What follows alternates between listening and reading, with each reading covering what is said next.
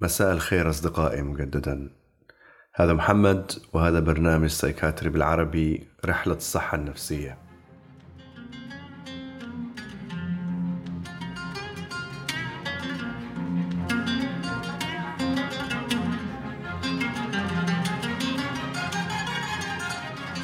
جددا حاب أشكركم على كل الرسائل اللي وصلتني على الإيميل أو يعني على الخاص بالفيسبوك وكل الفيدباك اللي حصلت عليه من حلقات الاكتئاب الأولى والثانية. وأكيد كل رسالة وصلتني أنا قرأتها واطلعت عليها. أكيد ما لقيتش الوقت يمكن أرد على على الكل بس أنا أستفيد من كل ملاحظة ومن كل رسالة ترسلوها. موضوع الحلقة اليوم هو الاضطراب العام يعني اضطراب القلق العام جي اي دي General Anxiety Disorder. هالشي بس بسرعة أذكر عشان نكون في سياق واحد إنه الاضطرابات النفسية إحنا قسمناها في الحلقة الثانية. إلى اضطرابات neurotic عصابية وإلى اضطرابات psychotic ذهانية. وقلنا الفارق المركزي بينهم إنه في الاضطرابات العصابية الشخص آه، يكون موجود معنا في الواقع يعني متصل بالواقع بس مثلا عنده اكتئاب أو قلق. وهذه الاضطرابات يمكن هي الأكثر عالميا. ولهذا بدأنا بالاكتئاب في الحلقة في الحلقتين اللي مضوا. في هاي الحلقة اللي بنتكلم فيها عن اضطراب القلق العام والحلقات القادمة بنركز على مجموعة من الاضطرابات النفسية اللي القاسم المشترك بينها هو القلق أو بالإنجليزي الأنزايتي. الآن بالعربي نقول عن أنزايتي قلق ونقول أيضا على كلمة وري كمان قلق بس بالإنجليزي هما كلمتين مختلفتين بس حنقصد الأنزايتي أو أو شدة القلق. آه الحلقة بتكون أو بنتكلم عن اضطراب القلق العام بس في اضطراب القلق الاجتماعي في الفوبيا في اضطراب ما بعد الصدمة آه وفي اضطراب الهلع. آه فبتكون هذه مواضيع الحلقات القادمة.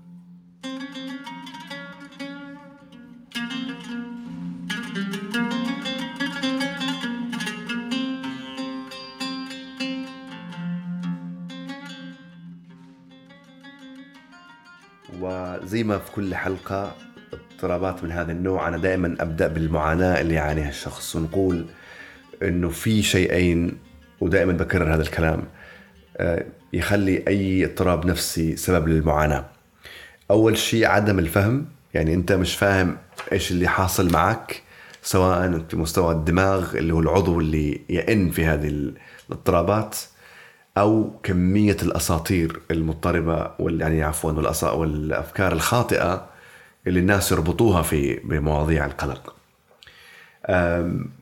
ويمكن هي مكررة بس لأنه الناس للأسف تتصرف مع كل أو ما تتهم الناس بس إحنا بشكل عام كمجتمعات نتعامل مع كل الاضطرابات النفسيه وكأنها شيء واحد يعني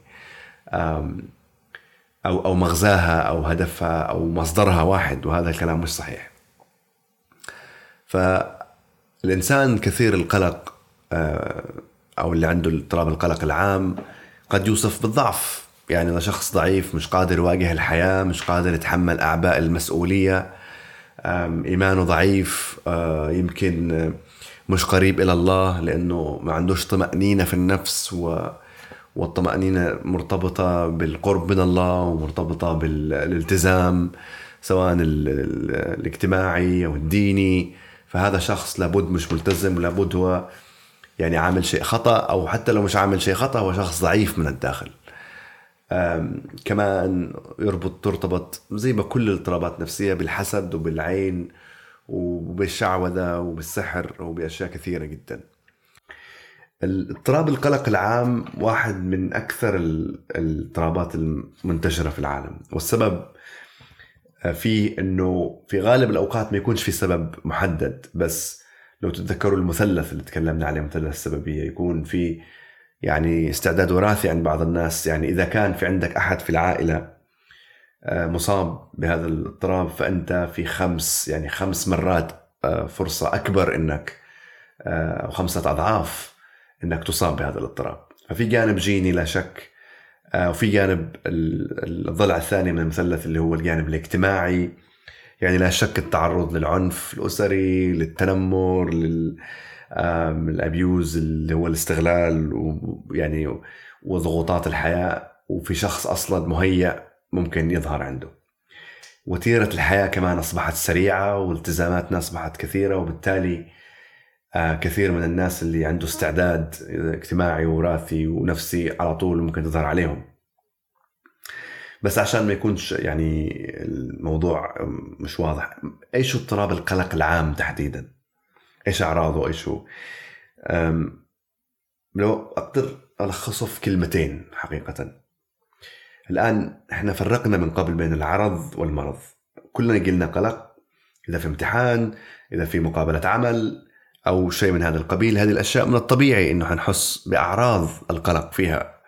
لكن لما يتحول القلق إلى شيء مزمن طويل المدى ويكون الشخص يعني يعاني من آه، قلق من كل شيء يعني مجرد ما مثلا ينتهي موضوع معين كان مقلقه يطلع موضوع ثاني. فدائما في سبب إنه الشخص حاسس نفسه مشدود تنس فجانب إنه قلق من كل شيء من تفاصيل الحياة العادية طوال الوقت الشخص مش قادر يعني يسترخي حتى يأثر عليه في النوم مش قادر ينام مش قادر يركز. ممكن يحس أحيانا بدوخة دقات القلب عنده تكون سريعة. آه فهذا الجانب دائما يكون موجود. النقطة الثانية اللي بالإنجليزي نقولها apprehension دائما في توجس. توجس هو توقع حصول مشكله فهذا الشخص من كثر ما هو تنس ومن كثر ما هو مشدود آه، إذا مثلا رن التليفون أو شيء فيتوقع إنه ممكن في شيء يعني في مشكلة حصلت أو في مصيبة حصلت دائما في هذا التوقس من حصول شيء كبير. فهذين الملمحين يمكن بشكل جدا مبسط آه، يختصران أو آه، يعني موضوع الجي اي دي أو اضطراب القلق العام اللي هو التوجس من حصول مصيبة كأنه الشخص منتظر دائما حصول كارثة وأيضا القلق من كل تفاصيل الحياة والأساس في هذا كله إنه لفتره طويلة مزمنة. مش القلق العادي اللي يجي لنا يعني بسبب امتحان أو غيره من هذه الأشياء. طبعا يتفاوت ممكن يكون خفيف عند بعض الناس بس في اضطراب يعني هذا الاضطراب مؤثر على نومهم ممكن على حتى علاقاتهم بالناس لأنه يكونوا دائما مشدودين فهذا يخليهم أقل صبرا على الأمور مثلا أو أو أكثر ميلا للابتعاد أو الانشغال عن الناس. بس ممكن يوصل إلى إنه يكون شديد ولما يكون شديد فعلا يأثر في حياة الإنسان. يعني بطل الإنسان قادر يركز وبطل الإنسان قادر يعمل أي شيء. يعني هنا بالعادة هنا تدق ناقوس الخطر. يعني ما أقصدش هنا بالتحديد اللي هو لما يكون شديد فالآن تروح تطلب المساعدة. إحنا دائما اتفقنا إنه طلب العون مجرد ما تفرق بين العرض والمرض زي ما قلنا في أو في ثاني حلقة. أنت هنا لازم تفكر ما هي خطة طلب العون من من تطلب العون وإيش بتعمل. بنكرر هذا الكلام على فكرة في كل حلقة. إذا حسيت أن القلق الذي عندي ما عادوش قلق مرتبط بأحداث طبيعية في الحياة وأصبح مرتبط بكل شيء تقريبا وما فيش عندي قدرة على أن أنا أسترخي أو أنام ودائما عندي توقس وفي يعني لفترة طويلة هنا أنا لازم أبدأ أطلب العون لأنه أنا عندي اضطراب عام.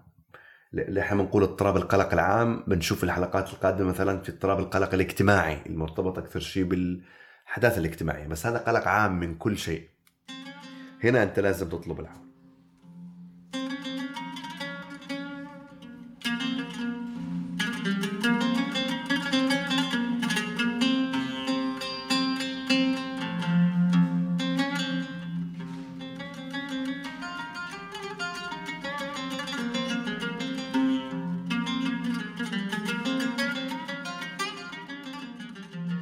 بالنسبة للفهم إحنا قلنا دائما إنه إنه ما فيش شيء اسمه النفسية شيء والجسد شيء. ثاني آه هذول النفسية والجسد شيء واحد.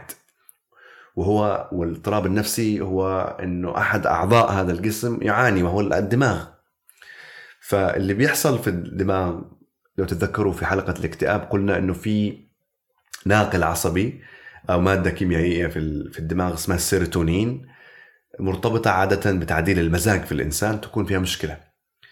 آه، في القلق بشكل عام وفي اضطراب القلق العام هذه المادة أيضا فيها مشكلة.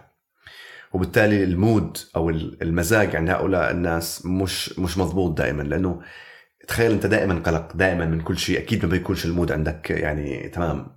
ولهذا حتى يعني يكون أيضا عندهم اكتئاب. بس كمان في مادة ثانية إلى جانب هذه المادة اسمها نور أدرينالين. نور أدرينالين. فهذول الثنتين الخلل اللي يحصل فيهم هو يؤدي إلى هذه الحالة من القلق اللي مش مبررة أو اللي مش محددة بمحددات معينة أو بمثيرات محددة. وهذا الاختلال أو اللي يحصل في توازن هذه المادتين مرة أخرى. نرجع لموضوع السببية. يعني في استعداد وراثي آه، وفي ضغوط في الحياة وفي يعني جانب اجتماعي ممكن يكون صعب فكلها على بعضها هذه العوامل مع بعض تظهر هذا المرض. ومجرد ما يحصل هذا الشيء يبدأ الدماغ يعاني يبدأ الشخص يحس بالقلق. وهذا يأثر على كل شيء يعني مش بس يعني حياته بس أيضا على جسده على أكله وشربه ونومه وصحته بشكل عام فتتأثر الأعضاء الأخرى في الجسم. آه، فيصل الشخص إلى إلى إلى يعني طريق صعب مش قادر يكمل في شغله مش قادر يكمل في حياته الاجتماعية لأنه آه، متوتر ومضغوط وممكن يؤديه إلى الاكتئاب ويعني ويدخل أيضا في اضطرابات ثانية. ولازم كمان هنا يعني أحكي لكم قصة يمكن كثير من المستمعين بيلاقوا أنفسهم في هذه القصة، في شخص طبعا أكيد ما بذكرش أي أسماء عانى من اضطراب آه، القلق العام وما كانش عارف إنه في شيء أصلا اسمه اضطراب القلق العام. آه، كان ملاحظ إنه في في عائلته في أكثر من فرد دائما قلقين وإنهم مشهورين بين الناس إنه الناس دائما عندهم قلقين ويسامحوني الناس في اللفظ اللي بقوله الآن بس مثلا آه، محليا في اليمن آه، يسموا الشخص كثير القلق أو الذي يقلق من كل شيء بالهرم يعني أي الذي يهرم نفسه والهرم يعني في اللغة من معانيه إنه الإنسان يهرم يعني يبلى واحيانا يهرم الشيء من كثر استخدامه أو أو لما يطول به الأمد فخلاص يبدأ يكون شيء مهترئ يعني وهرم فالشخص الهرم بين قوسين هو الشخص تحديدا اللي عنده اضطراب القلق العام. الشخص اللي يعني اللي شاركني قصته مشكورا حكى لي إنه عائلته هارمين بين قوسين وكان يرى إنه أوكي يعني هذا يمكن قدر أو يعني هكذا شاء الله لهم في الحياة.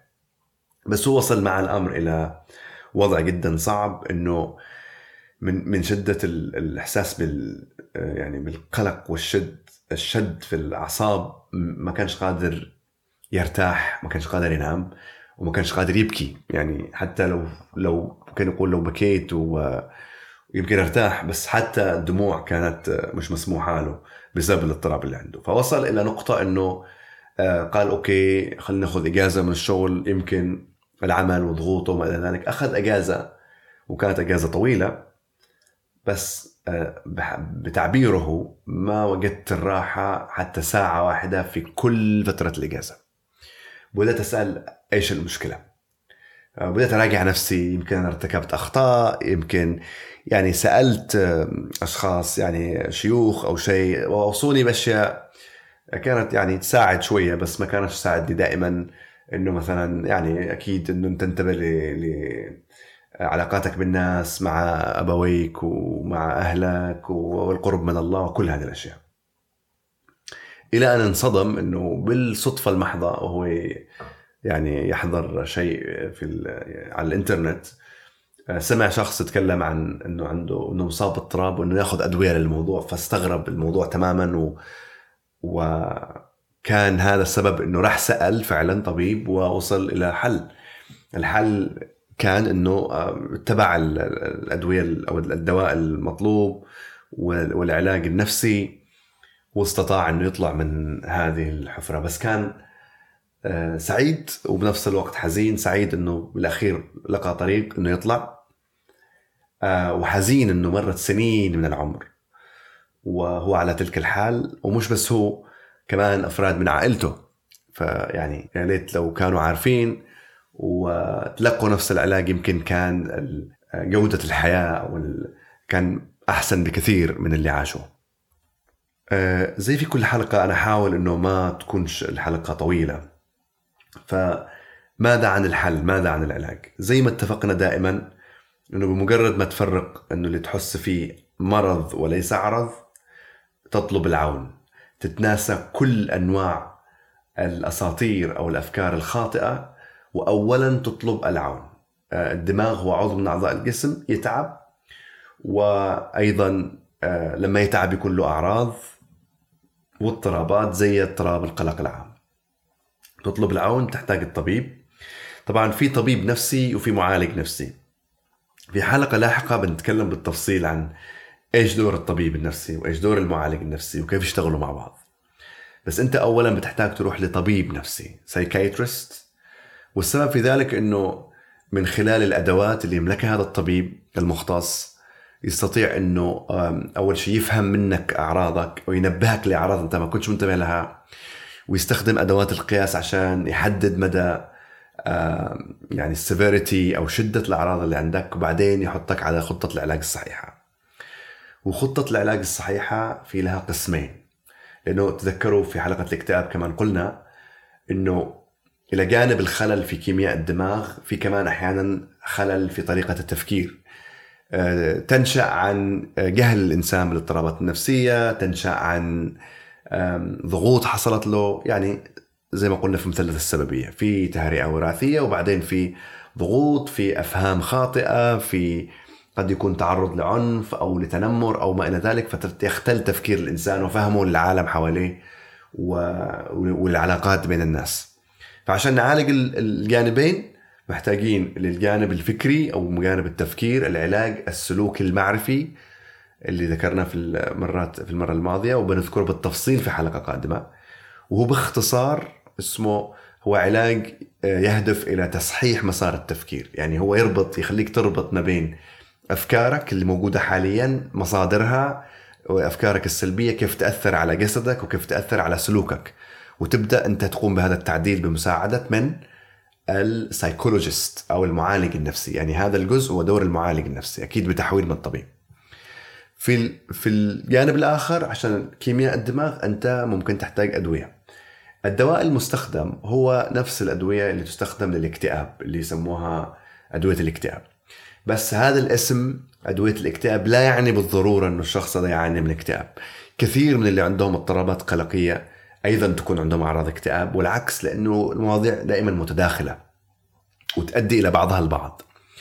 بس أدوية الاكتئاب اللي آه، تستخدم آه، وجد إنها تفيد كثير في زي ما تفيد في الاكتئاب في الاضطرابات القلقية يعني. حتى الاضطرابات اللي بنتكلم عنها في المرات القادمة مثل الهلع مثل القلق الاجتماعي وغيره أيضا يفيد معها هذه الأدوية. ليش؟ لأنه جزء من هذه الأدوية هو العمل على السيروتونين هذه المادة الكيميائية اللي تتحكم بالمزاج أو إحدى العوامل اللي تتحكم بالمزاج. زائد النور أدرينالين اللي هي أيضا يعني ما يعني كمان آه، مادة كيميائية في في الموجوده في جسم الإنسان بشكل عام وفي الدماغ وهي منبهة إلى حد ما.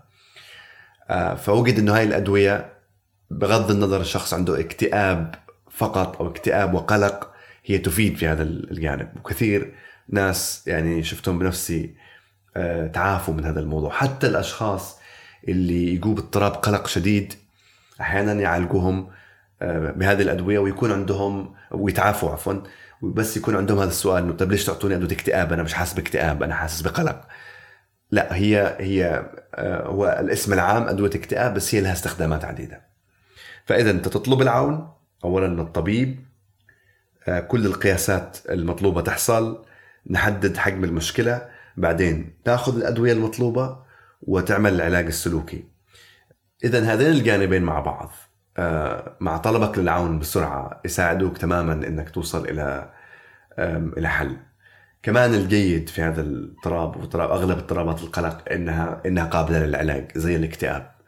تخيلوا كم في ناس في العالم تعاني في حياتها مش مستمتعة في حياتها مش قادرة تعيش حياة يعني هادئة يعني حياة فيها ذكريات تكون ذكريات حلوة مع الناس أو مع أنفسهم أو مع إنجازاتهم لأنهم مكتئبين أو لأنهم عندهم قلق أو إحدى اضطرابات القلق بينما هذه الأمور قابلة للحل.